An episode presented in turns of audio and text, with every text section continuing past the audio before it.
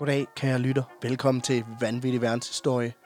Et splinter nyt afsnit, medmindre du hører det om Igen. halvanden år. Igen så er det, og igen, Så er det, ikke- og... så er det ikke helt nyt. Nej, Men øh, det jeg, er hedder, det sygeste callback, og håber på, at vi ikke bliver cancelled. jeg, jeg hedder som altid Peter Løde, a.k.a. Peter Løde. Og jeg hedder Alexander Janku, a.k.a. Motormilles maskeret Maitre D.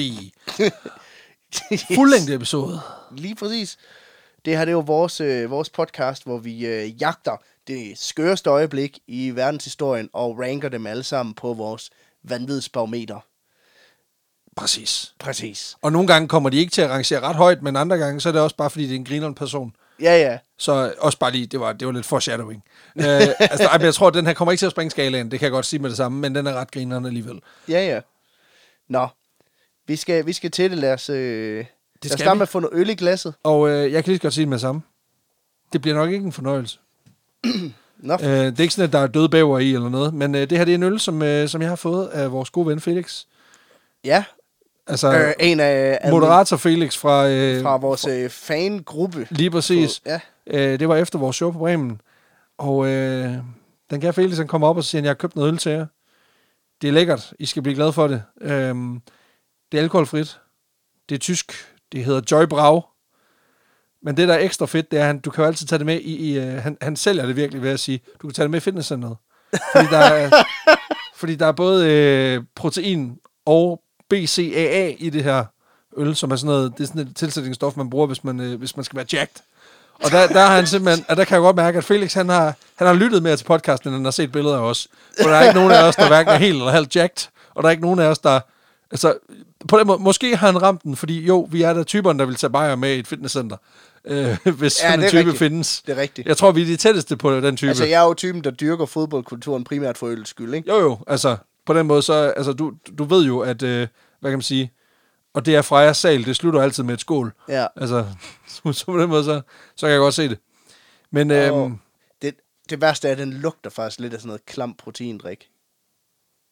Felix, jeg hader dig. Ej, fy for helvede, mand. Det, øh, det lugter af sådan noget, det, det dufter af, øhm, det dufter af, af det, man kalder, af det, af det produkt, der er, når man har, øhm, når man har, øh, hvad man siger, kogt kornet til at lave øl. Mm. Og man har det, der hedder mask, som er, det er første gang, man koger, hvad man siger, det, det, det der bliver til øl på sigt. Men når man lige har kogt øh, det her korn, for ligesom at trække stivelse og sukker ud af det, den væske, man har der, som er den ufærdige ja. øl, det dufter det her af. Og en lille smule citron. Meget tyndt. Og så meget parfumeret. Åh, oh, det er surt. Synes du? Jeg synes, det er meget sådan sukker. Ej, fy for helvede, mand. Altså, jeg vil sige, det har heller ikke hjulpet, at den har stået over på mit køleskab i tre uger. Øh, og ikke inde i det. Nej, det er nok ikke blevet bedre af. Men altså, den har den der, den har den der lunkende slots blandet med alkoholfri. Nå, men øh, Felix, øh, Tak for lort. tak for det.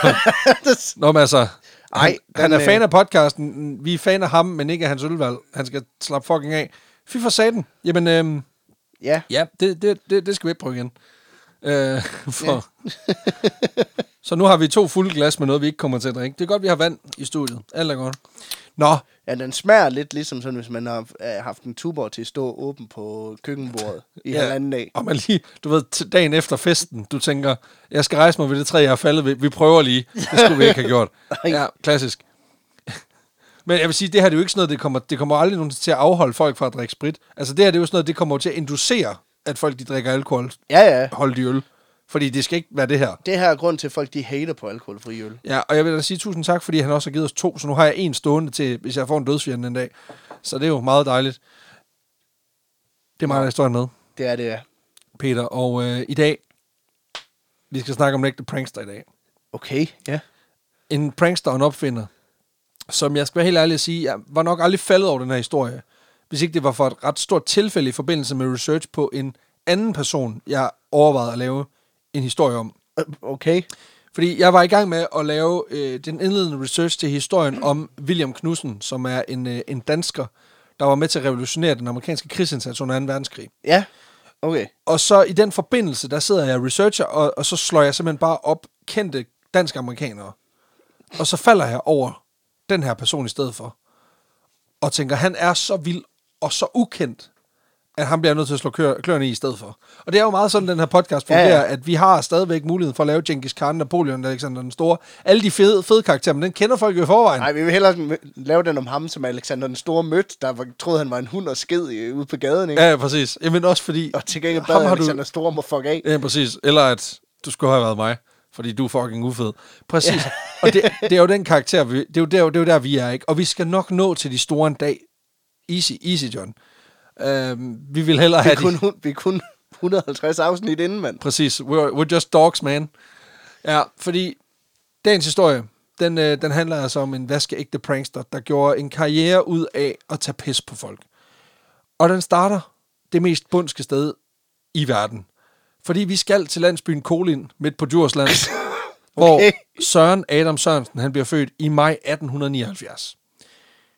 Kolin er lidt en skør størrelse i den forstand, at den ligger i et, øh, et område, som indtil 1872 var øh, en af Jyllands største søer ved navn Kolinsund.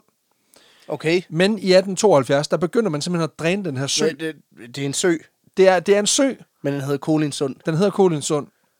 Og så øh, på et tidspunkt i 1872, der beslutter man sig simpelthen for, at man gerne vil lave landbrugsland i det her, fordi det her, den her søbund er fuld af næringsstoffer. Øh, perfekt til at putte noget korn i, så derfor så dræner man simpelthen søen for vand for at lave en masse dejlig landbrugsjord.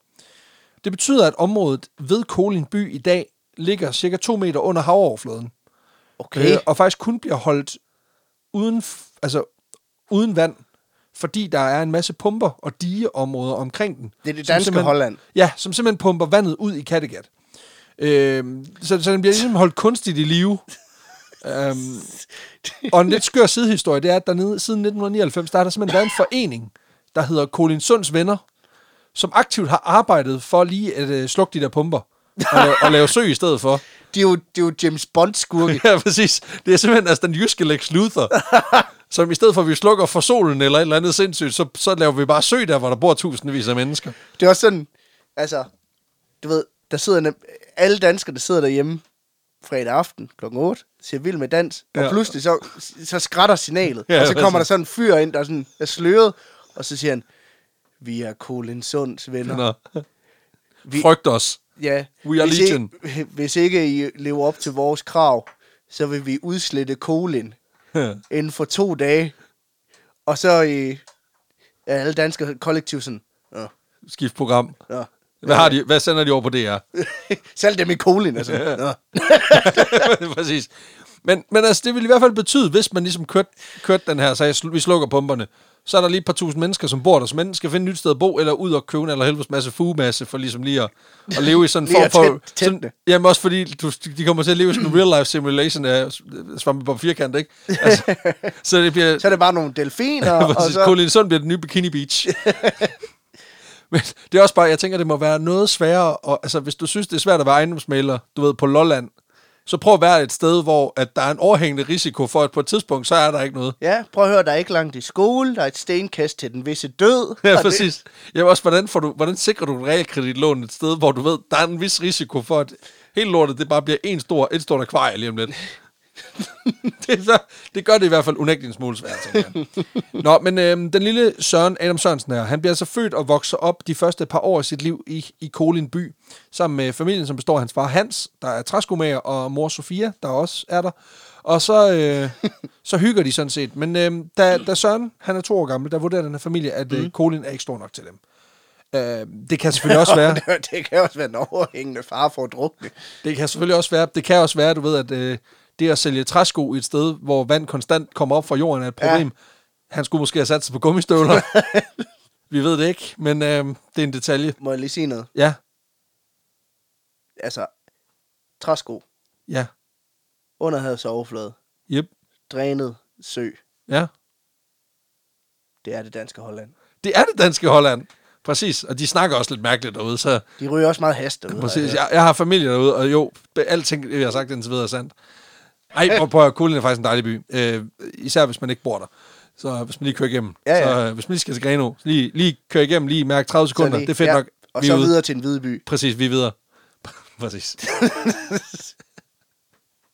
Nå, men øhm, det er ikke så fedt. Og det betyder altså, at familien de emigrerer til USA, hvor de bosætter sig på en måde, som mange danskere jo gør, når de flytter mm. til udlandet.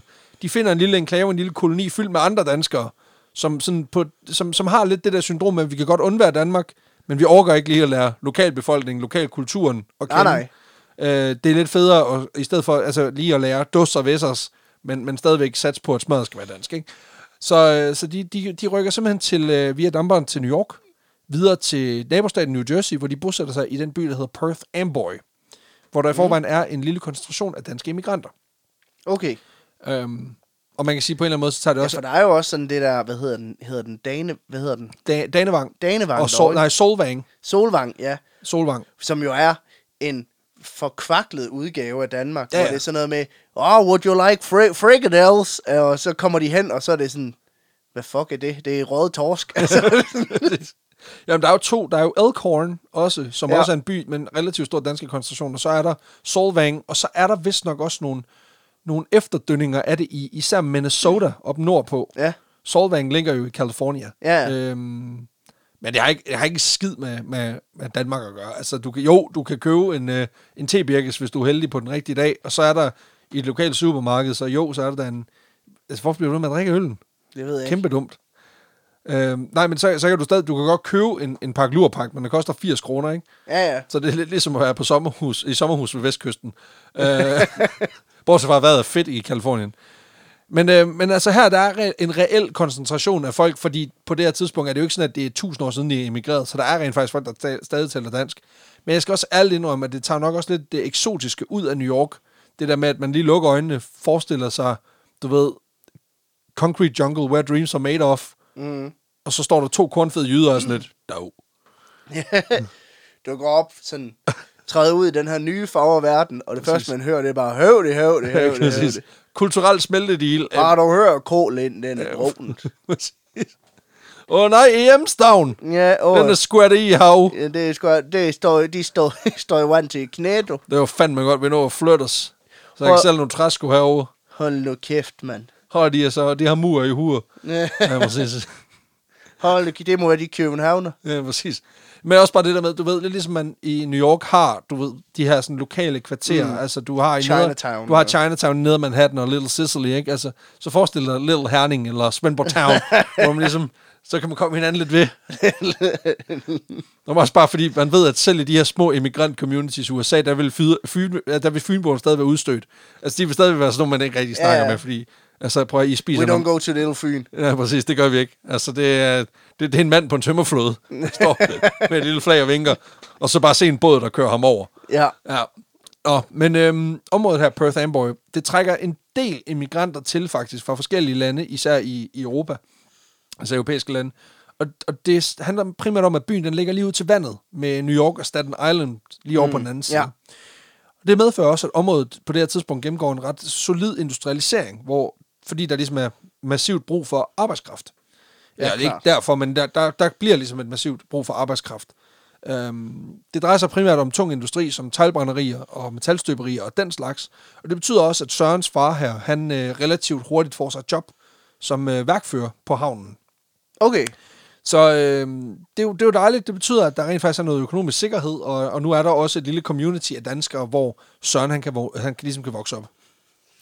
Faren han er værfører i et par år, og så rykker han senere over og får sin egen forretning, køber simpelthen et lille lokalt værtshus. Okay. Øh, Det er dansk. Og det er, en ting er, at det er dansk at lave, øh, du ved, tarmskiberen nede på havnen.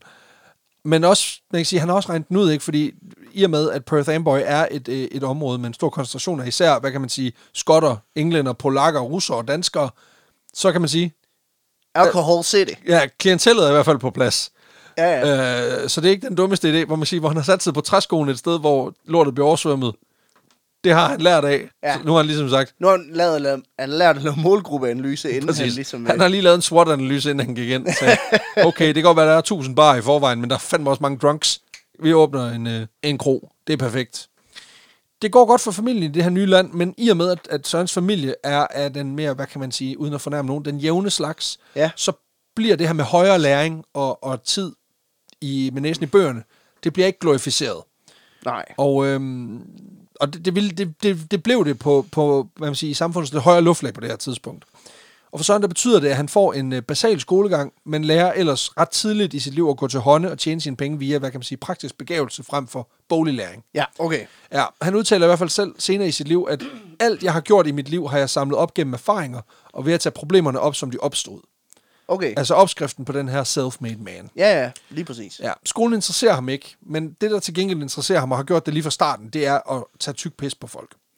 Han Oh. er, ja, men præcis, fordi han bliver ret hurtigt klassens klovn. Man kan sige, det kan også være, at, at hans manglende boglige begævelse har gjort, at han ligesom skulle excellere et andet sted øh, i skolegården.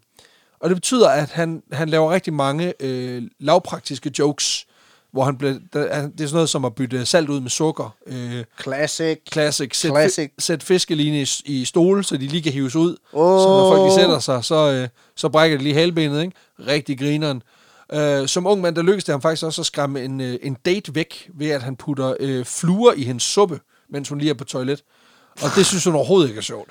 Nå, Øhm, og det var en dårlig Tinder-date. Ja, præcis. Det der med, at hun, han putter en lille flue af tind ned i hendes suppe, som hun så knaser to tænder på, det synes hun overhovedet ikke var sjovt. Nå, Ja, man må ingenting nu. man må ikke en skid på, i det der dating-univers. Og Søren, han griner og griner. Og, og det, Hold det synes hun altså ikke var sjovt. En prankster. Ja, præcis. Og det handler Just a meget prank, om bro. det. It's just a prank, bro. Og hvis der er et grin at hente, så, så går han benhårdt efter det. Han er også ret glad for eksplosioner i sine pranks, hvilket betyder, at han bruger en ret stor del af sine sparepenge på at købe eksploderende cigarer, som han åbenbart deler ud til højre og venstre. For Det har ligesom at, været min yndlingsgenre pranks. Det har været de, hvor- de eksplosive. ja, men præcis. Også det der med, ej, hvor er det grinerne at se en mand, hvis ansigt bare bliver indhyldet i røg, fordi hans øh, mund er ved at eksplodere. Det synes folk bare er max-grineren. Og det er Ja, noget... ja, det kan godt være, at, prøv at høre, det er godt, at du fik tredje grads forbrændinger. Men det var sgu da meget sjovt. Ja, præcis. Så har, render du heller ikke rundt med de der Ole Ernst øh, øjenbryn længere. så er de skrællet helt Det af. er også tåbeligt ud, mand. Præcis, så er du også dum ud. Nu ligner du Darth Vader, efter den er blevet hævet op af lavaen. Det var også meget fedt, var. Præcis. Kunne det ikke også noget? Nu er du en omvandrende... Spis nu din suppe. nu er du en omvandrende prank. Nu er dine tænder fucked, og dit hoved er brændt. Spis din suppe. Du skal ikke tænke på det der i. Det er bare rosiner. Var, var det en Nils Buckingham callback, du lige lavede der? det kan faktisk godt være.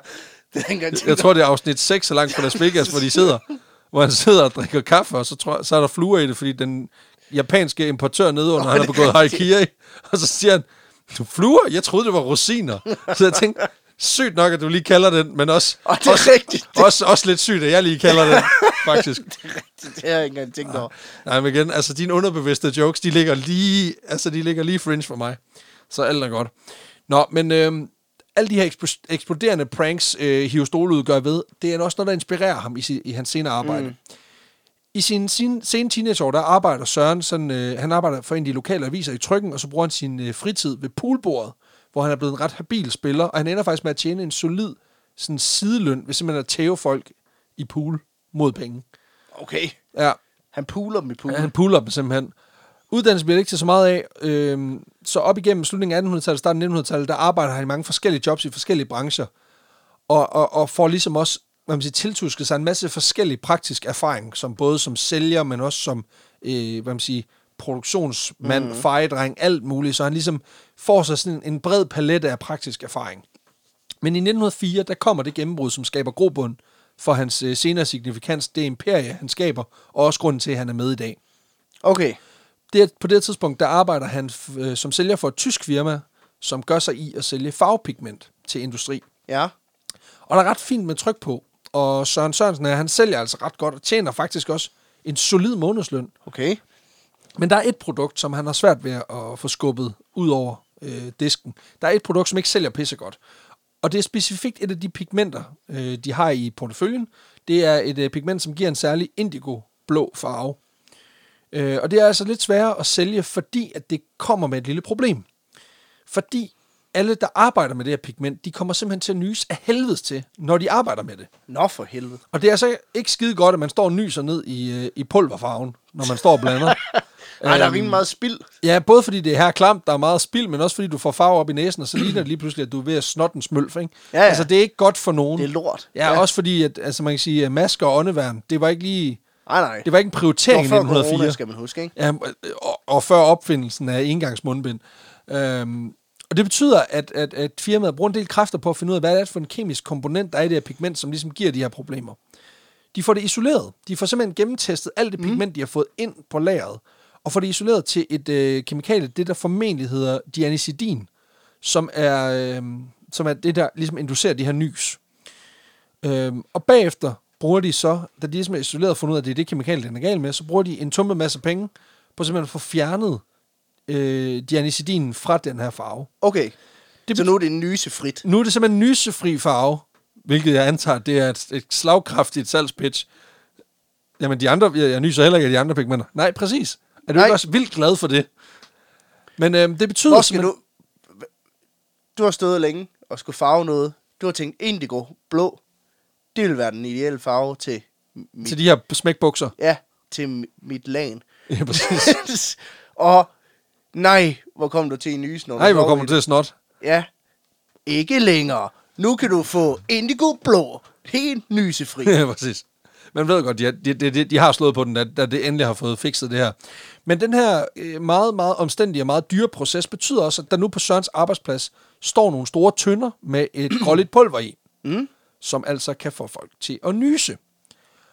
Og en dag, Ja, ja. og en dag, formentlig en, en røvkedelig dag med en masse kold canvas, der, øh, der tænker Søren skulle lige, jeg tror, det vil være tid til en lille pranks.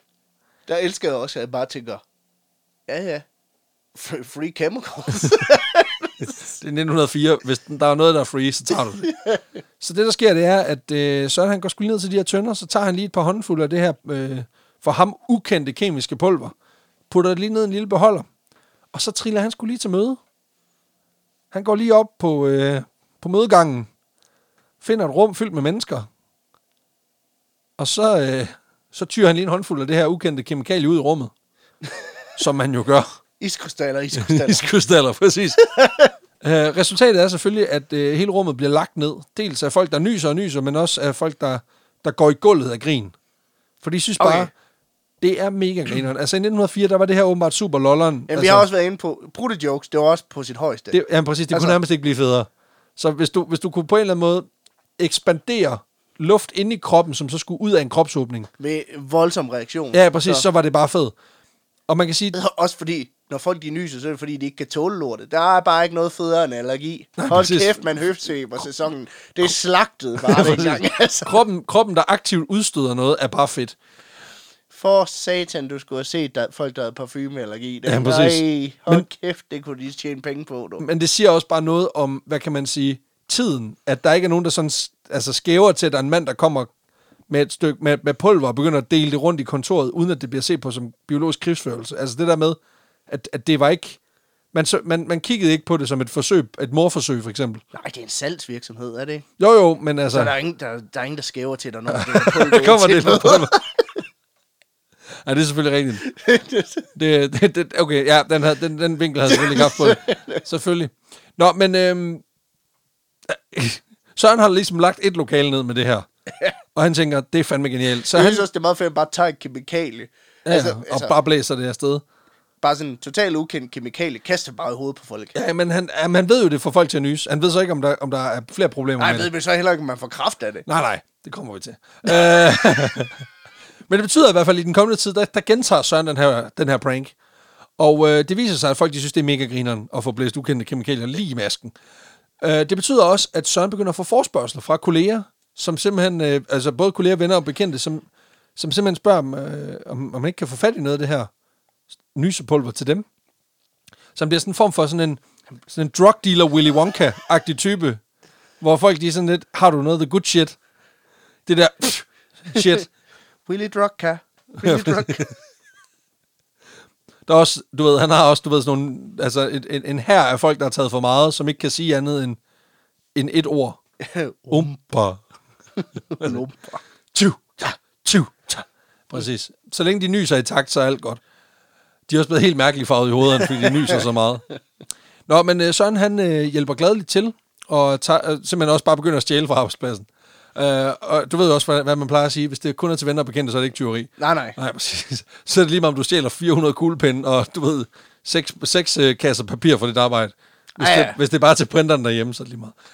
Nå, men den her interesse får ham ligesom også til at indse, at der måske er en forretning i det her nysepulver. Så han øh, går lige ned på, øh, ned på baren, og så tæver han, lige- så puler han lige nogen i pool. Ja, ja. får samlet lidt penge sammen, og får, får også hævet lidt af sin opsparing. Og så ender han simpelthen med at få krejlet sig til de her par tønder af det her grålige pulver på arbejdspladsen. Også fordi, jeg ved, at det, han er jo jyde. Han er jo, Ja, ja. Altså, så han er jo gået hen, han har jo hævet chefen med ned på lageret, så han sparket lidt til de blå tønder sådan lidt. Ja, det var ikke for mig for det. Nej, det Nej. Prøv lige, prøv lige at lugte til det. Ja, det er det, jeg siger. er du kan ikke engang tåle. Nej, præcis. Skal jeg, skal jeg ikke lige bortskaffe? Ja, ved du hvad, jeg vil gerne tage, jeg vil godt tage dem gratis. Du kan få, du kan få, du kan få 20 kroner for det. Du. Og han sådan, sorry, but, but here it's dollars. Yeah, um, I'm thinking two dollars. Og Han har haft jysk accent og snakket engelsk. ja, forhandlingen er gået fint nok. Det var, det var valutaen, han ud på.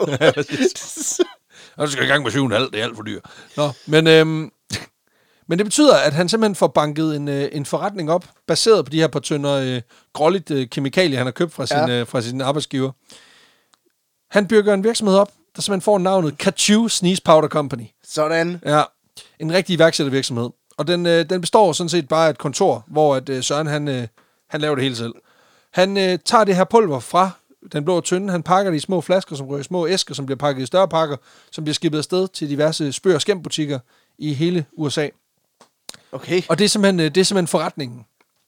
Og øh, simpelthen baseret på word of mouth, eller tju of mouth, der, øh, der har den her, det her, det her nysepulver har simpelthen spredt sig i USA, i hvert fald i det nordøstlige USA. Og det gør, at, at, at, at salget relativt hurtigt begynder at gå strygende. Okay. Fordi folk har jo set, de har observeret det Ja, her ja, det er klart. med egne øjne. Og Søren han sender simpelthen øh, pulver ud i en mængde, så selv Pablo Escobar begynder at blive nervøs. Altså det går fucking ned. Øhm, der går i hvert fald ikke ret længe før, at de her par tønder, som Søren han har krejlet sig til på sit arbejde, de, løber, de, de simpelthen bliver tomme. Nå. Og han må angiveligt selv øh, ud og få fat i en kemiker, som kan isolere det her kemikalie for Men ham. jeg tænker også, altså, der, der er fandme der meget i to tønder. Jamen, det er jo det. Og fordi man skal ikke bruge ret meget, vel? Men alligevel, så er det altså gået, det er gået rimelig snelt. Så der går ikke øh, mange måneder, før han simpelthen er nødt til at få sig sin egen Heisenberg øh, til, at, til at lave the good shit. Og så står de ude i ørkenen, han kommer ud i underbukser. Præcis. Den I am the one who sneezes. Say my name. altså igen, hvis der er nogen, der skal spille den her rolle, hvis, hvis hans liv nogensinde bliver filmatiseret, så håber jeg, at øh, vi får en stunning performance. Men øhm, det viser sig jo simpelthen også, at rigtig mange mennesker synes, at det her øh, nysepulver er vældig morsomt. Og det betyder, at pulveret det bliver en decideret trend rundt omkring i USA i de her første år, mm. fra 1904 og frem. Altså det er simpelthen datidens fidget spinner. Oh, ja. Øhm, det betyder, at nysepulveret bliver spredt ret langt ud i det offentlige rum, og ifølge flere af mine kilder, der er der eksempler på mange forskellige arrangementer, hvor det her nysepulver simpelthen bliver, bliver losset ind.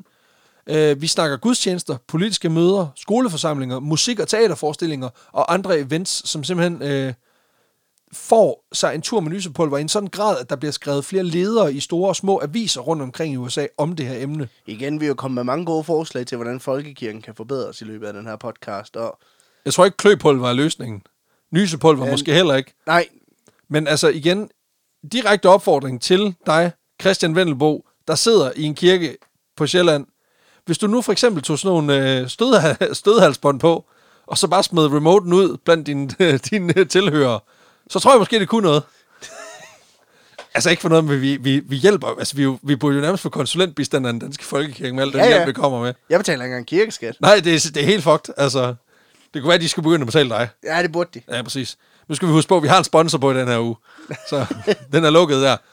Nå, men øhm, en af kilderne bag den her historie, en biografisk artikel skrevet af den amerikanske forfatter Maurice Sutloff, beskriver faktisk, at der er flere barslagsmål, som simpelthen er startet, fordi der er en eller anden psykopat, der har siddet på en pop, og så lige pludselig bare losset nysepulver op i luften. Bare virkelig kørt iskrystaller, Præcis. iskrystaller, frys. Og så lige pludselig- Iskrystaller, iskrystaller, nys. Ja, præcis. Ja, ja. Og så er der simpelthen en, der begynder at nys. Han har måske væltet en øl, og så inden man ser sig om, så er hele baren bare blevet smadret, fordi folk, de, ja, næverne er begyndt at flyve, ikke? Og, og det betyder altså, at der er en stor interesse for det her nysepulver. Det er også vildt nok, at der er en, der kaster nysepulver i hovedet på, og så imens du er i gang med en nys, så formår du alligevel at smadre.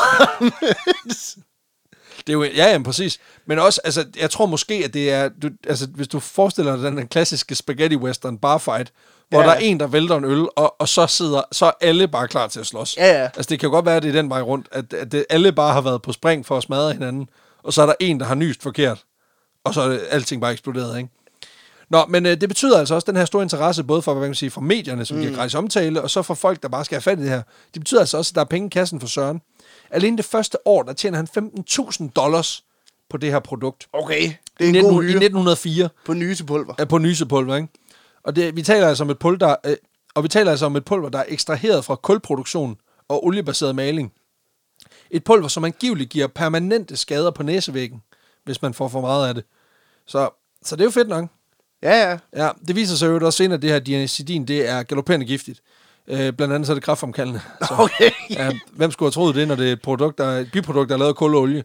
Ja, ved du hvad, så laver han et nyt produkt, og det er baseret på det nye, det hedder asbest, og det bliver skide godt. Det får man også et eller andet med lungerne af, i hvert fald. Men øhm, det her, øh, det betyder også, at, at det her dianicidin, det bliver øh, gjort ulovligt i 1919. Og på det her tidspunkt, der stopper Søren Sørensen faktisk også for salget af det. Okay. øhm, det er stadig ikke... Ej, det dræber lidt hans business. Det gør man- det, det gør det, når det viser sig, at det, han har kastet i masken på folk, hans iskrystaller, det viser sig, at det var, det var kraft. Pure cancer. Ja, pure cancer, præcis. Det er super cringe. Øhm, nej, men det er faktisk ikke sikkert, at det er det her stof, han rent faktisk har solgt. Altså, det er di- dianicidin. Okay. Men der er flere eksperter, som er ret sikre på, øh, når man kigger på Sørens adgang til mm. dianicidin, at, at det formentlig har været det, han har solgt. Okay. sat på markedet. Også fordi samme år, som det bliver ulovligt, der hiver han øh, Kachu nysepulveret af markedet. Ja, ja. Så, så det virker simpelthen for, altså timing er simpelthen for vildt til, at det ikke var det. Øhm, men vi finder aldrig ud af det, fordi Søren holder faktisk sin opskrift øh, hemmelig gennem hele sin karriere. Okay, det er der jo få brands, der har gjort. Ja, det er jo, præcis. Det er jo sådan noget Coca-Cola, Coca-Cola og... og... Heinz Ketchup og Kachu nysepulver. Alle de gode. Der står jo ikke, en- der står heller ikke en grådig kapitalist bag nogen af de brands. Og det er jo sådan, det ligger sikkert i en vault over i, over i New USA, York et præcis. sted. Og så er der nogen, der åbner. Og så ligger der bare sådan en lille bakke. Der, og så går man ned, som vi undersøger det, og så siger og så er det væk. Oh no! Præcis. Øhm, der findes faktisk også mange andre typer nysepulver, som også har været, hvad kan man sige, igennem, øh, øh, altså som har været på markedet igennem historien. Mm. Men de er som regel forsvundet igen, fordi det viser, at det var pissegiftigt. ja, jamen det er, jo, det jo sjovt, som om, at det, det, Det det folk pulver, til at inhalere alt muligt, det er jo åbenbart ikke skidesundt. Nej, men også det der, det pulver, som naturligt giver en reaktion, hvor kroppen forsøger at, at, at, at fjerne det igen. Ja, Det viser sig simpelthen, at det skal ikke ind i kroppen. nej. Tænk sig. Ja, men folk bliver klogere, ikke? Men altså, det betyder ikke, at Søren ikke lider nogen nød, fordi man kan sige, at hans produkt er forsvundet fra markedet. Men man kan sige, allerede i 1906, to år efter, at han er gået på markedet med det her mm. pulver så, øh, så begynder den her craze også at dø ud, og Søren han er begyndt at kigge ind i andre hvad kan man sige, markeder, ja, og ja. måder at kombinere sin hobby for at tage pis på folk med sit arbejde. Øhm, så han vil simpelthen tjene, tjene sin, sin, til dagen og vejen på at, at, at lave pranks. Ja, ja. Og ikke på den der YouTuber-måde, hvor man bare hopper op på folk med en cowboy-hat øh, og får en af sine venner til at filme det, men mere sådan, du ved, på en mere elegant måde, hvor man får folk til at købe Det er latterlige mere Fred, gimmicks. Fred og George fra Harry Præcis. Potter. Øh, det er den vej, han går. agtige pranks, lige præcis, lige præcis. Så han begynder at pusle med tanken om at udvide sortimentet til en bred vifte af gags og udstyr til practical jokes. Og nu har han jo også, hvad kan man sige, en solid chunk cash til rent faktisk at gå i gang med det. Så han øh, rykker i 1906 i større lokaler og begynder at idéudvikle på, hvilke typer fede pranks man nu kunne lave. Og hans metode, synes jeg faktisk er ret interessant, fordi det måde, han gør det på, det er, at han laver sådan en form for meget realistisk rollespilsteknik, hvor han simpelthen forestiller sig et hverdagsscenarie, mm. og så prøver han at finde indgang til, hvilke typer produkter den person, der befinder sig i det her scenarie, kunne finde på at købe, hvis han eller hun gerne vil tage pis på nogen i lokalet. Øhm, Okay. Og samtidig så er han også den her meget observerende type, så han konstant leder efter mulige produkter ved at, ligesom at observere handlemønstre i sin hverdag. Det er blandt andet det, der inspirerer ham til at opfinde en prank, der består af et sort stykke metal eller plastik, som ligner blæk, der er blevet spildt på en du. Altså det her, ah, sådan, Ah, hvis det er en klassisk, ja, ja. du ved, du lægger den, og så ligner det, der er nogen, der spiller blæk. Og, og igen, vi er i 2021, så der er ingen, der tænker, åh oh, nej, hvem, hvad, der er nogen, der har spildt sit blækhus. Men, Ja. men i den gang var det faktisk... Åh oh, nej, der er nogen, der har tabt sin fjerpind. præcis. Satans også. ja, præcis. Og det, og det, og det igen, det kommer, det, og, og jeg vil sige, det kommer til at Mine ske... klunkemøbler bliver aldrig det samme igen. Præcis. Og der, min kniblingsstue, den er ødelagt for evigt. Og der vil jeg bare lige sige på forhånd, der er super mange af de pranks, vi kommer igennem i den her, i den her episode, hvor du kommer til at tænke det. Men, men bare rolig. It will all make sense eventually. Og den, se det i kontekst til historien. Det giver mening. Nå, men, men han opfinder simpelthen det her. Det handler simpelthen om, at han kommer i... Øh, i en, en, han har en kvinde i sit bekendtskabskreds, som er super panippen over hendes fine du. Og der Okay. tænker han, hvad skulle der til, hvis nu, at jeg skulle have hende til at flippe ud? Om hvis der nu blev spildt Ah. blæk, det vil være grineren. Så han laver den omvendte af det der med sådan, okay, hvad, altså, normalt når man udvikler et produkt, så tænker man, okay, hvad står folk med af udfordringer? Hvad for et problem vil jeg gerne Præcis. løse? Han er, han er med, så hvad for et problem vil jeg gerne skabe? ja, ja, præcis. Han vender simpelthen den klassiske produktudvikling om, og siger, nu, nu ødelægger vi bare ting. Præcis.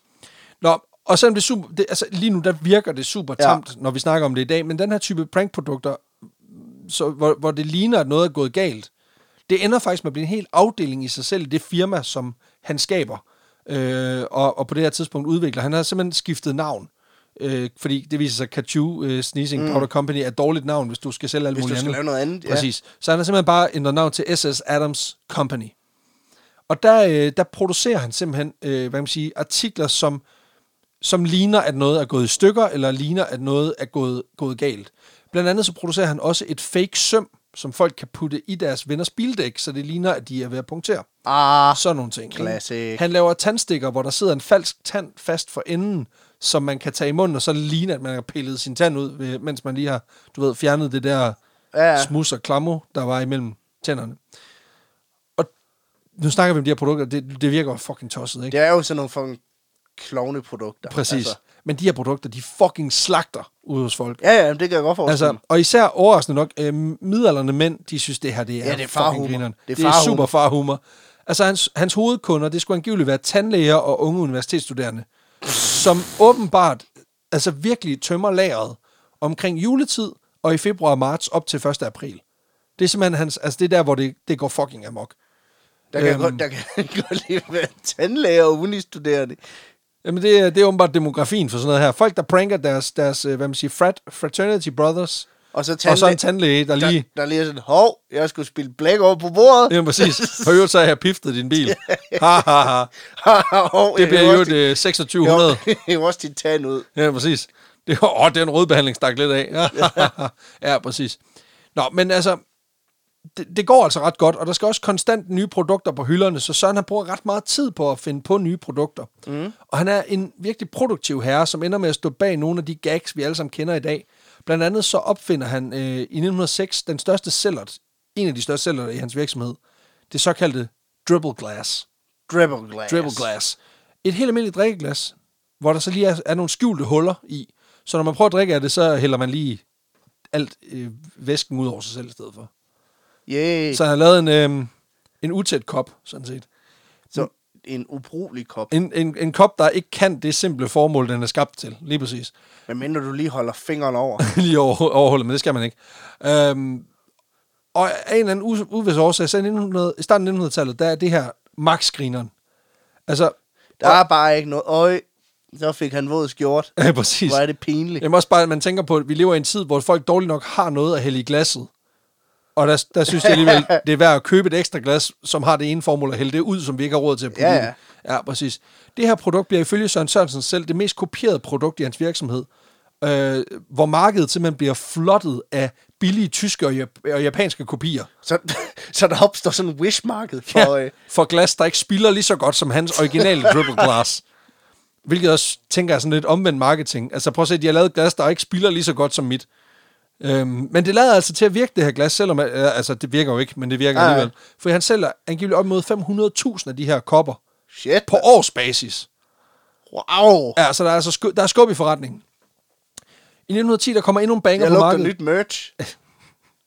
Jamen, det kan vi ikke, fordi de har jo, altså det hele er trademarket, det lort der, så det, det går sgu ikke.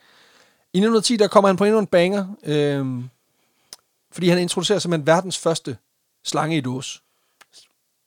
Slange i dåse. Slange i dåse. Altså den klasse, hvor du åbner, og så pff, Ja. kommer den ud. Ja, det er ham. Nej. Jo, det er ham, He der har opfundet. Ja, det er ham, der har lavet peanut-slangen. Ja, ja, præcis. Og igen, altså, det starter med en lille bitte slange, en lille bitte dåse. Ja. Men han synes, ligesom, at, han synes ikke, det har den der kapav-effekt, han gerne vil have. Øh, folk synes stadig, den er sjov, men i de følgende år, altså efter mm. 1910, der perfektionerer han produktet, og det ender med at være en fuldstændig tro. Jeg mener faktisk at have læst, at han kopierer, altså han får lov til at kopiere et, et, et, et brand af madprodukt, altså dåseprodukt. Ja. Så det ligner en original etiket nede fra supermarkedet. Men, men så i stedet for, at der kommer en lille slange ud, så springer lige en 2,5 meter slange ud. Lige i ansigtet på folk. Og, det, og jeg skal da... Okay, så det... Så, så, så du tror, du åbnede hakket tomater, og Ja, præcis. Så får du så bare en, en, en, en metal... får øh, bare to og en halv meter, meter krybdyr lige i lige, face. lige i face, og nogle gange så er du også uheldig, fordi den der, hvad kan man sige, det er jo en, det er jo en spring, altså det er jo en, Ja, hvad, fanden hedder det? Altså en, Ja, det er en, som fjeder. en fjeder, det er jo en fjeder, så den springer jo lige op i dit ansigt. Ja, ja. Og den er også skarp i enderne. Så det er skide, det er skide sjovt. Folk pisser i hvert fald i bukserne af grin. Både fordi de bliver farlige for sådan en slange i dåse, øh, men, men også fordi, du ved, det er grineren, og de er chok-effekten, ikke? Altså, de er vilde med det. Ja, det er klart. Ja, han kaster sig også ud i nogle mere provokerende pranks, lidt ligesom lysepulveret, da han blandt andet opfinder øh, nogle af de første stinkbomber. Og så lancerer han også et, et rigtig solidt kløpulver, som han laver af et øh, planteudtræk af brændenælder. Og de her... Oh, ja. Ja, det er noget lort. Og de her to produkter bliver faktisk, altså de bliver selvfølgelig sindssygt populære, både i de små hjem, men, men senere også hos nogle lidt højere herrer rundt omkring i verden. Fordi så vidt jeg forstår det, så er både kløpulver og stinkbomber blevet brugt aktivt i krigsførelse rundt omkring i verden. What? Ja, kløpulveret bliver blandt andet brugt i 2. verdenskrig, hvor britterne udvikler en meget potent variant, som de så smuler ud til modstandsfolk i hele Europa, til simpelthen at inficere tyskernes uniformer. Nej. Jo, øh, blandt andet så skulle det have lykkedes at inficere den tyske ubådsflåde, så 25.000 sømands tøj simpelthen bliver overdænget med kløpulver af, af modstandsfolks kontrollerede vaskerier. Ej, hvor vildt. Ja. Så det er Øhm, bare, så, så går du ned til jøde, jøderne for at få vasket din uniform, så kommer du tilbage, så får damme, det er klikken. øh, Disse er Hugo Boss øh, klikken øh, ser, ser øh, øh, ikke så godt. Ja. ja, præcis. Men også forestil dig, at du ved, at du, du sidder nede i en ubåd, og alt klør. ja, Det er lort. det er fucking træls. Du kan ikke engang komme ud lige og blive vasket eller noget. Det hele er fucked. Altså, så slår man bare hul i ubåden, og så må det fandme være. Ja, så bliver du vasket. Præcis. Og det skulle angiveligt også på et tidspunkt være lykkes nogle norske modstandsfolk og lige at peppe en, øh, en tysk sending af kondomer op med kløpulver. Åh oh, nej. Og der vil jeg bare Det- sige, det er fandme en Dick, prank. dick move. Ja, det er et fucking dick move, men det er fandme også en god prank. Ja, det er en fucking god prank. Altså, så får kløpulver på pølsen, det er sgu meget sjovt. Øhm, jeg fandt også en konkret sag fra 1944, hvor et bordel, øhm, hvor der var mange soldater, tyske soldater som kunder, de simpelthen fik overdænget sengetøj og lignende med kløpulver. Og det resulterede i... Øh, men, det jo, he- men det er jo heller ikke rart for nej, dem, der for, arbejder for de, der. nej, det, nej, præcis. Men øh, det, det endte simpelthen med et øh, utroligt, altså et peak i antal besøgende på det lokale hospital, fordi de her tyske soldater var ret sikre på, at de havde fået en kønssygdom. Så øh, der kan man tale om, altså det er virkelig sabotage, der vil noget. Men det er jo også, altså, man kan sige, når det allerede klør, når du tager kondom på, så er det sat med noget af en sexsygdom, du har fået. Ja, præcis. Den er, den er ikke god, vel? Og der vil jeg bare sige, altså, hvis der er nogen, der har eksempler fra de danske modstandsgrupper, hvor man har gjort det her, så, så meld lige ind. Ja, ja, fordi det, det er fucking genialt. Det vil vi fucking gerne høre. Ja, det vil jeg gerne høre om. Stinkbomber har ligeledes også været forsøgt øh, brugt i krigen, da amerikanerne under et øh, tophemmeligt projekt med navnet Who Me? Spørgsmålstegn. simpelthen forsøger at udvikle et... Som Øh, jo du, de kunne lige så godt bare have brugt Urkel-citatet. Did I do that? præcis. Ja, fordi det var jo... Jeg tror måske lige, det var 20 år for tidligt, men ikke desto mindre. Men også det der med, altså det er jo en reference til, at der er nogen, der slår en brud. Ja. Øhm, der forsøgte de simpelthen at udvikle et særligt potent stinkmiddel, som den franske modstandsbevægelse så skulle bruge til at forpeste hvad man siger, tyske soldater med dårlig lugt. Øhm, det projekt det ender som at blive lukket efter cirka to uger, fordi øhm, det man prøver, det er simpelthen at bruge nogle, nogle meget krasse mm. svovlforbindelser. Og de viser sig så simpelthen at være meget, meget ustabile, så de bliver simpelthen ikke praktisk anvendelige. De forgifter simpelthen folk, øh, Okay. før de, de lugter dårligt. Så, så det er ikke, det er ikke så, så hensigtsmæssigt. Men øh, britterne, de finder faktisk en metode til at udbrede stinkbomber, sådan lidt efter samme model som med kløpulveret, og det lykkes faktisk at få forpestet øh, tyskernes uniformer, så de både stinker og klør. Fuck, mand. Og jeg synes, Og det er virkelig træls at være tysker. Ja, ja, men det, og det, jeg er med på, at det er beskidte tricks, men det er også, det er også lidt sjovt. Ej, Hansi, du både, du både stinker og krasser. Ej, jeg gider ikke. Ah, Hansi, du stinkst, Und krassen. og du, und du krast. Ja, ser kras. Men allerede før krigen i 1910 og 20'erne og sådan noget, der var det her produkt altså en bravende succes i det private marked. Mm. Øhm, det samme var Sørens mange eksplosive pranks, som han også udviklede meget øh, allerede fra starten af sin virksomhed. Vi snakkede lidt om det i starten, det her med de eksploder- eksploderende cigarer. Øh, men han var altså glad for eksplosionerne, så han, øh, han udvikler en del ting, der siger bang. Øh, han udvikler faktisk en hel produktkategori af ting, der eksploderer, når man åbner dem, lukker dem, rører ved dem, ikke rører ved dem. Altså, Ah, ja. you name it, så kan han få ting til at eksplodere. Noget af det første, han udvikler efter øh, Kachu-produktet, der udvikler han noget, der bliver, han døber The Shooting Book, som simpelthen er en, en bog, der eksploderer, når man åbner den. What? Øhm. det, det er... Det, wow. det er en knaldroman. Altså, det, det, Nej. Wow, ordspilsjoke. Altså på den måde, du kunne have skrevet jokes til de her pranks. Øh, Ja, ja. Det er perfekt. ja, men, det, Øhm. men, men, men det er jo ekvivalenten til den der bog i Harry Potter 1, han åbner, der skriger ham op i hovedet, så bare når han lukker det, så eksploderer lortet. Ja, præcis. Det er også virkelig... Altså, det, det, jeg kan godt se, det, det er meget sjovt. Altså, det, men, men også... Det er fandme også... Altså, det, Altså, jeg håber, jeg håber, du ved, den lige eksploderer, når du er i gang med at læse tredje sidste side, så du aldrig rigtig finder ud af, hvordan den ender. ja, præcis. Han får simpelthen en, han får Lars Kepler til at skrive en hel roman, og så eksploderer den, Og så du... står, så står der, og morderen var... Puff, præcis. du aldrig ud af, Jeg det er. kalder den uforløst 1. Præcis. Han udvikler senere en eksploderende ølbrik, som simpelthen eksploderer, når man stiller sit glas eller sin øl på den. Og igen, Og vi har jo set, at det der med at spille øl, det kan udløse, bare fights. ja, præcis. Så, men også bare det der med, at forestil dig, at du kommer hjem den fredag aften, du har shaket dig en lækker cocktail med den gode gin, fordi nu er det fredag, ja. Og så stiller du, øh, du, du vil helst ikke lave ringe på dit nye sofabord. Nej, nej. Du stiller øh, dit, øh, dit dyre rocks glas på den, hvorefter at øh, cocktailen og bordet bliver indhyldet i røg, og hele lortet er eksploderet, og der bliver selvfølgelig ender med, at der kommer ringe på sofabordet alligevel. Og du klasker dig på låret, fordi fuck var det sjovt. Altså, det var da Ej. heldigt. Ja, det nye tigtræsbord til 7.000 kroner, det var da ikke træls overhovedet, at der blev sort mærker i det, og mit glas, det sprang i luften, og den gode gin, den blev ikke drukket. Hold kæft, var det sjovt, Søren. Godt fundet på, ikke? Ja, Fantastisk type. og en lovklasker. Ja, præcis. Og igen, folk de elskede det åbenbart. Altså, de synes bare, det var fedt at være en irritation for folk. Øh. Og faktisk, så har Søren også reflekteret en del over det i sin produktudvikling. Nå, Blandt andet erklærer han på et tidspunkt i forbindelse med et af sine produkter, han beskriver det som det ideelle produkt til en practical joke, øh, fordi, og nu citerer jeg direkte, It has an easy mode of operation and does not generate the urge towards mayhem or murder against the joker, who is my customer and who, consequently, I do not wish to see murdered. okay, så det handler om, at okay, det produkt, det, det gør ikke, at hans kunder de får tæsk. Det er lige tilpas provokerende til, at der ikke er nogen, der griber en, en, en morgenstjerne eller en kniv og slår, det, slår jokeren ihjel. Ja, okay. Og det er også rart at vide, at det er det niveau af Men kundeservice, jeg han elsker kører også, efter. fordi han har, jo- han har jo været ude og produkttest. Så der har jo været nogen, hvor Der er nogen, der har skrevet i svinget.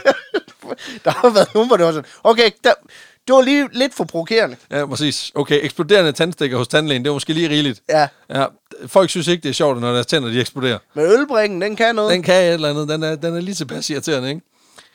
Øh, produktet, han beskriver i den her citat, det er i øvrigt det, som han har solgt aller, aller flest af, som bliver den, den ultimativt største succes i hans Ja, virksomhed.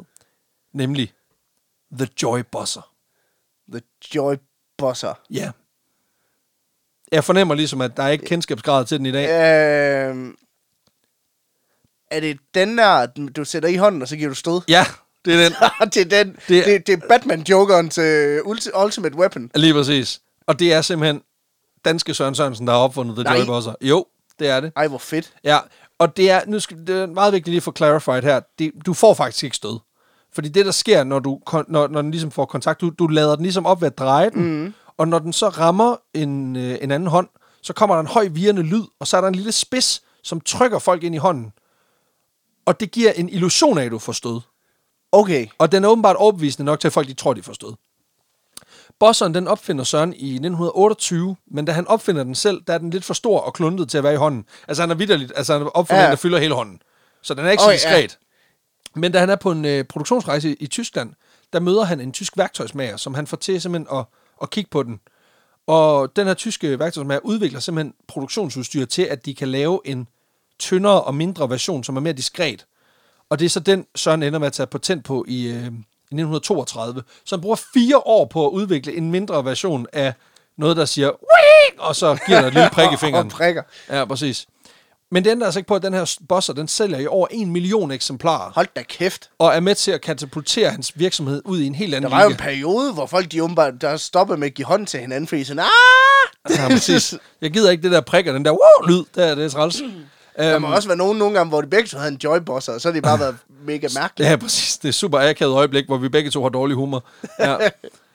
det her øh, produktsalg øh, er simpelthen, altså det produkt er simpelthen så populært, at det er med til, at, at han kan udvide sin forretning endnu en gang. Og han ender simpelthen med at købe en fabrik på 4.000 kvadratmeter, som simpelthen bliver basen for SS Adams Company, hvor de her produkter både bliver mm. udviklet, produceret og skibet afsted.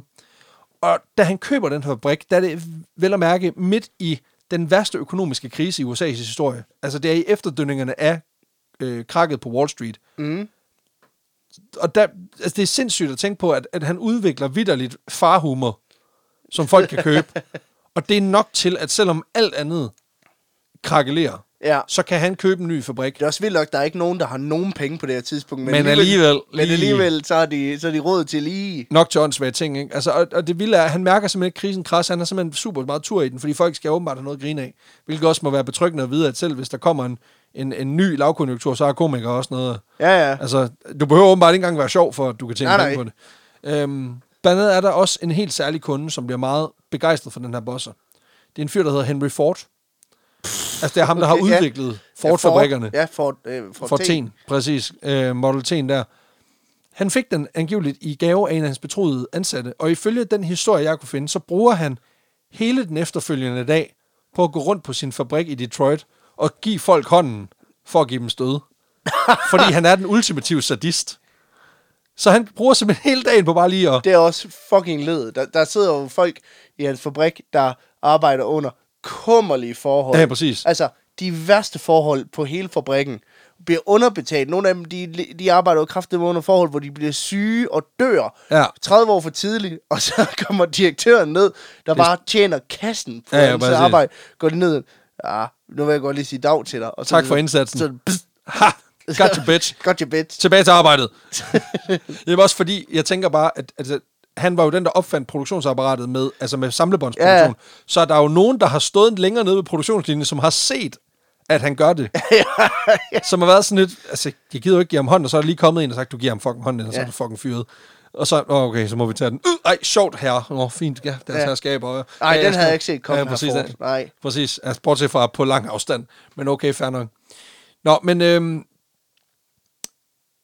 de her produkter har altså en ret bred appel, og det, det, det spænder åbenbart også mm. på tværs af økonomiske skæld, også aldersmæssigt. Og hele den her succes, han ligesom har opbygget, den fortsætter faktisk gennem de kommende årtier, mens fabrikken den udvider sig og ender med at, at sælge produkter til, til over 4.000 butikker i hele USA. Og han laver simpelthen en, en omsætning på omkring 4 millioner dollars i slutningen af 50'erne. Okay. Og, og imens det, det sker, så, øh, så har Søren han ligesom taget en lidt mere tilbagetrukket rolle. Han har ligesom overdraget direktørposten til sådan en, altså han har lige holdt delt den med nogle andre, Ja, ja. og gået mere over i sådan en, en kreativ direktør, hvor han simpelthen sidder og, og udvikler ting på livet løs. Alt i alt, der ender den her mand med at opfinde over 600 forskellige ge- genstande til pranks, og får patent på cirka 40 af dem. Og vi snakker, altså alle klassikerne, hvor vi allerede har snakket om en del. Ja, ja. Øhm, og han er altid på udkig. Han sidder hele tiden og, og, og, og tænker på nye idéer, og hans kontor er simpelthen overdænget med sædler med hele og halve idéer. Øhm, både de realiserbare, men også de mere svære af slagsen. Blandt andet fortæller han i slutningen af 50'erne til en journalist, at han drømmer om at udvikle en badedragt, som, øh, som forsvinder, når den kommer i kontakt med vand. så, så, så folk de står i bare dolk og ingenting. Og der vil jeg sige, den er nok lige den svære ende. Altså, ah. han Ah. går Tony Stark i bedene. Altså, vi, han er i forvejen sådan en form for, altså, Ja, ja. Wish Tony Stark. ja. Den urolige ja, slags. Bosseren, det er også lidt ligesom den, han har inde i Ja, ja, præcis. Start, ikke? det vil være noget mere fest end film. Det er bare, når Thanos kommer, så giver han ham bare hånden sådan. Jeg kunne ikke mærke "Ah, noget, du, fordi han havde... du, du hoppede på den. Jamen også fordi han havde The Infinity Glove på, så han kunne ikke engang mærke det. Åh, ja. Ja, det er lort. Men Tony Stark, han dør med et smil på læben. Jamen lige bestemt, det er selvfølgelig rigtigt. Det skal siges, der er dog en konkret klassiker, han ikke kan tage credit for. Pruttepuden. Nå, Ja. Han havde faktisk muligheden, fordi øh, allerede i 1940, der bliver han kontaktet af en øh, kanadisk opfinder, som har en primitiv forløber til den moderne pruttepude. Og der spørger han, den her opfinder, altså øh, Søren her, om han ikke vil købe den, rettighederne. Mm. Men Søren, han siger nej. hvorfor? Fordi han tror ikke, prutte, det, prutter, det er... Han synes, det er for plat. Ja, selvfølgelig synes jeg det. Det er også bare det der med at tænke, manden, der synes, at isterninger med fluer i, det er max grineren. Ja, altså manden, der synes, at, at det at putte eksplosiver ind i alting er sjovt. Manden, der finder på, at vi skal give en anden fake stød, det er fucking grineren. Pruttepuden. Ej, det er simpelthen for plat. Det vil folk simpelthen ikke have. Så det ender simpelthen med, at, at, at han siger nej til den her kanadier, som så ender med at gå videre til, øh, til en anden fabrikant, der ender med at udvikle det, der hedder The Whoopee Cushion, Ja. som, som den dag i dag stadigvæk er, er solgt under det navn. Øhm, og det ender med, at Adam simpelthen må opfinde sin egen variation af pruttepuden for at bringe den ind i butikkerne. Så han ender med at lave en Wish-udgave af Pruttepuden. Ej, hvor sindssygt. Fordi han jo indser, okay, folk synes det var alligevel, det var lidt sjovt med prut. Så plejer han ikke alligevel det. Jamen, det er også det der med, at han synes, nys det er grineren, men hvis det kommer ud af den anden ende, ah, ah. Ah, Det er sådan noget, det er sådan det er noget, sådan noget Moulin Rouge. ja, det er sådan noget der. finere fransk pis, ikke? Det gider vi fucking ikke. Det her, det er for de jævne folk, ikke? Det er for min far og alle dem nede på baren, ikke? Og selvom han levede og åndede for de her pranks, så bliver han også opslugt af den her drift imod at skabe en større forretning. Altså noget, der hele tiden er større end ham selv. Mm. Da forfatteren Maurice Sotloff, han laver sin artikel om Søren Sørensen i starten af 50'erne, der beskriver han den her mand som sådan meget ironisk. Øh, I den forstand, øh, han er ikke ironisk, men det er meget ironisk, fordi han virker meget kynisk, kold og reserveret. Okay. Altså, han er ikke en jovial prankster-type. Han er Nej. en kølig forretningsmand, der ikke rigtig udstråler den her glæde ved at, at tage pis på folk. Okay, så han er mere, han er mere sådan Joachim von And-typen. Ja, er, øh, præcis. Han bliver beskrevet som en person, der ligesom lever ene og alene for sin virksomheds vækst. Øhm, han beskriver blandt andet en, en konkret sag, hvor Søren på et tidspunkt bliver indlagt efter en operation mod mavesår. Og det, han bruger tiden på, mens han er indlagt, det er at snakke forretninger med de andre indlagte. Øh, og han forsøger hele tiden at generere et mere salg. Ja, Ja, altså ja. prøve at sige, om skulle I ikke måske købe noget? Han har nærmest, altså nærmest en trenchcoat med, med ting, han kan sælge til de her folk. Altså, så han er simpelthen så drevet af profitoptimering, at det handler ikke længere om at lave sjov. Det han ikke ved, det er, at alle de andre, de er jo indlagt, fordi de har indhaleret det der nye Nyt pulver, præcis. Oh, I know you, asshole. Og på en eller anden måde, så synes jeg faktisk, det er sådan lidt trist at tænke på, at den her, på en eller anden måde, pranksterens gudfader, på mange måder er sådan en, blevet til sådan en hård hund, der ikke engang nyder de her grin, Nej, nej. som hans produkter genererer, fordi det handler primært bare om at tjene penge. Altså, det, det, det, på en eller anden måde, så bliver det sådan en, en lidt trist slutning på den her historie. Øhm, han bliver gift og får børn og sådan noget, men, det synes men jeg, jeg synes også, det er vildt at gøre det til iskold business og bare lave pis med folk. Ja, præcis. Altså, det, det mister den der gnist, som på en eller anden måde er fedt Ja, ja. ved at lave pranks. Øhm, han bliver gift og får også børn og sådan noget, men, men bliver en loner-type på sine gamle dage, hvor han simpelthen han holder sig primært i gang ved at komme på fabrikken og styre driften. Og det Mm. gør han så indtil sin død i 1963 som 84-årig. Han efterlader sig et, en, et imperie, som mange nørder inden for practical jokes og tryllekunst, som man også udvikler produkter til, anerkender som en af de, de helt store karakterer også den dag i dag, mm. øhm, hvor vi jo, hans ånd lever videre i form af plastikhundlort og kløpulver, ikke? Øhm, og, og på en eller anden måde... Han så, udvikler også plastikhundelort. Ja, ja, det gør han også. Ja, ja. Altså, øh, igen, jeg vil ikke nævne de 600 produkter, han har lavet, fordi... Kla- klassiker. Ja, klassiker, ikke? Og det er jo simpelthen historien om, om en, en, en mand, der lider en trist og ensom skæbne, på trods af, at det, han har levet af, det er at skabe grin ude i små hjem, ikke? Altså en, en vild mand med en ydmyg baggrund fra en udtørret sø på Djursland, der ender med at skabe sig et, et forretningsimperium og leve the American dream. Øh, Primært baseret på plastikhundelort og... Øh, han har simpelthen banet vejen til en formue på, altså ved simpelthen at lægge plastikhundlorter og, mm. og tandstikker. men som dog havde standarder for, hvad der var plat, og hvad der ikke var plat. Præcis. Han kunne genkende en god prank, når han så den, og også underkende den, hvis Og den ikke var sjov nok. Det står stadigvæk. Stag, altså, Ja, ja, det er, det, ja, altså, de har lidt våde fødder, men det, det, det Okay. går, det går. Der, der er fugt i fundamentet, som man siger. Men det var simpelthen historien om den danske-amerikanske prankster, Søren Adam Sorensen. Damn. Damn, bro. Hold kæft, en type. Præcis. Og den her historie, det er jo ikke første gang, du hører den. min Nej, ven. men det er noget tid siden, jeg Det er nemlig noget tid siden, fordi vi optrådte simpelthen med den her historie øh, før sommerferien til American Days i Aalborg. Ja. i Aalborg. Og Det var et arrangement, som var arrangeret af øh, den danske-amerikanske venskabsforening, tror jeg. Lige præcis. Og de, øh, de arrangerede simpelthen den her, øh, den her dag, hvor øh, der var en masse amerikanske indslag, og der blev vi spurgt, om vi ikke ville komme og underholde med en historie med dansk-amerikaner, og sætte lidt perspektiv på det, og det gjorde vi. Øhm, men vi fik simpelthen ikke optaget den, fordi at vores optageudstyr er noget, noget værd lort. Altså, man skulle næsten tro, at det, Ja, det nu er... det, nu er det her, anden, jeg skulle tro, at vi købte det på Wish, men det havde vi nu er det altså her anden afsnit inden for tre uger. Som Ja, og vi ved, der kommer flere, det er virkelig irriterende. Men sådan er det altså nogle gange. ja. Uh, det kunne være, at det var et tegn for ovenom, at vi skulle til at købe noget nyt grej, hvilket vi bare må få gjort.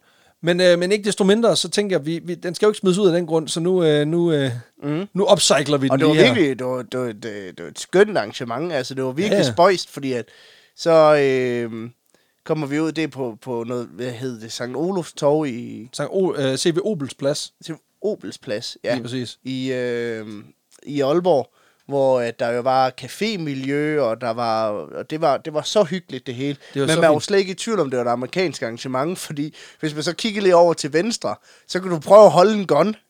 Præcis. Ja, ja. Og det, det synes jeg, altså, det, Små børn og våben. Hvor det er sådan det der med, ja, jamen, det, er, det er fandme dansk-amerikansk. Det er fadøl og store guns. Altså, Præcis, så de har ramt stemningen. Ja, ja. Og så kom vi og fortalte og, og snakkede lort i en times tid. Så det, det, på den måde, så har vi ramt den lige i røven. Ja, ja. Men øhm, vi skal jo have den rangeret på vores vandelsbarometer. Det skal vi, ja. Og øh, vi har vores fem kriterier. Vildskab, lol-faktor, uniqueness, indflydelse og Extra spars. spas. Vi skal have lavet en jingle på et tidspunkt. Ja. Men øh, Peter, min kære ven, mm. Soren Sorensen, hvor vild er han? Og jeg vil godt give ham 6. Ja, men jeg synes også, altså man kan sige, for hans tid, Ja, ret innovatør, ikke? ja, Så, øh, så, så for min skyld, jeg synes, han er... Altså, han er jo ikke sådan en karakter, der gør alt muligt sindssygt.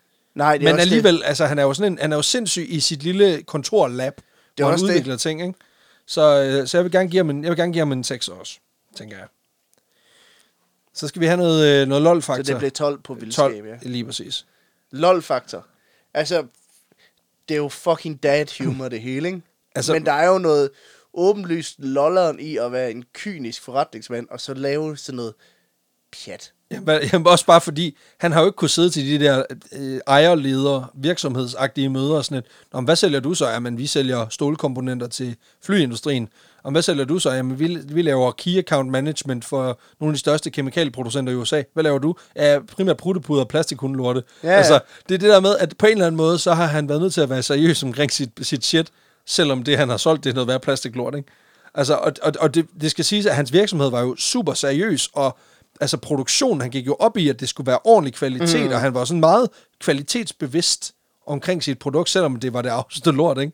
Altså, det, i den forstand, Ja, ja, at det har jo været sådan noget, haha, sjovt nok med en lort på gulvet. Ja, okay, griner nok. Ja, Ja, ja. ja. Og igen, vi skal ikke være sene til at indrømme, at vi jo også er, øh, har noget farhumor i den her podcast. Det vil være Ja, ja. at underkende os selv, hvis ikke vi, vi nævnte det og sagde det højt. Så, så vi er også nødt til at give ham lidt på den. Det er også det. Jamen, jeg vil godt give ham... Øh, Ja, på en syv. ja, jeg skulle lige til at sige 7. Ja. Ja. Jeg var sådan, jeg var lidt mellem 6 og en 7, men jeg vil gerne øh, runde ham op, og det er, øh, det er udelukkende, fordi han sagde, at bruttepuden var plat. Der kan, altså, jeg synes, det er Det er fedt. ironiske twist, ikke? Ja, det, det, det, er det. mærkelig standard at sætte, synes jeg. Ja, det er det. Det er det. Lige indtil han finder ud af, at der er penge i den. Ah, så plat er Så den. ja, præcis. Men kunderne, de skal jo, altså de, det er jo dem, kunderne har altid ret, ikke? Ja, det er det. Nå, men øhm, uniqueness. Altså sådan igen, den danske vinkel, den er nødt til lige at tælle lidt op, fordi altså, Ja, ja. han har virkelig make it big.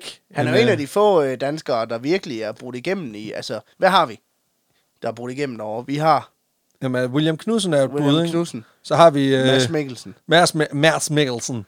Så har vi øh, Thomas Eje, eller Tom, Tom Dane. Tom Dane. brudt igennem og brudt igennem. Ja, fald, fald igennem. Fald, fald, faldt direkte igennem scenen. Jeg hørte faktisk en, af omvej, at grund, en af grundene til, at Tom Dane han slog fuldstændig øh, bunden ud af sit eget projekt, det handlede om, at der var, at når han kom over til de der venues i Las Vegas, Ja, så spurgte de ham på dagen, om han ville have lysopsætning og sådan nogle ting. Altså fordi, at de, det hele handlede om at, for dem at tjene så mange penge mm. som, på ham som performer som muligt. Så, så det, han fik lov at lege, det var scenen. Uden lys, uden lyd. Så han kunne ikke rigtig, så han var nødt til at justere sine produktionsomkostninger løbende. Nå, fordi ellers så havde han ikke... Så havde han ikke lys på scenen. Og det har jo så også slået bunden lidt ud af hans, af hans, altså af hans indtjening. Ja, det er klart. For han har jo også sat billetprisen lidt lavt til at starte med, fordi folk ikke vidste, hvem fuck Tom Dane var. Ja, det er klart. Og det er jo noget lort, når, han så, når, når hans omkostninger så stiger lige pludselig, fordi og skal du også have lys på scenen? Ja, fordi det er meget fedt, folk kan se en. det er jo ikke sådan et, det er jo ikke sådan et shadow act, hvor jeg bare står i stillhed og fortæller pranks og synger. Men, men okay, ikke desto mindre, altså, jeg tror, du har ret, han faldt stadig lidt igennem. Ja. Altså uanset, om det var, jeg tror ikke, det var, jeg tror heller ikke isoleret set, det var lysomkostningerne, der slog, der slog bunden ud af det projekt. Men når det har noget med uniqueness at gøre for, for Soren Sorensen, Ja. så øh, vil jeg godt give ham... Jamen, jeg ligger også der på de der 6-7 stykker Ja. igen. Øhm, ja jeg tror på en sekser. Ja, det, ja, det er jeg nok også tilbøjelig til. Og, ja. Ej, jeg vil godt give ham... Jeg vil godt give ham syv, og det er kun fordi, at det er sådan noget fucking loller noget. Jamen også fordi det er mange ting, ikke? Og han Men har også trods fordi, alt... han, han er ikke bare en dansker, der formår at make it big.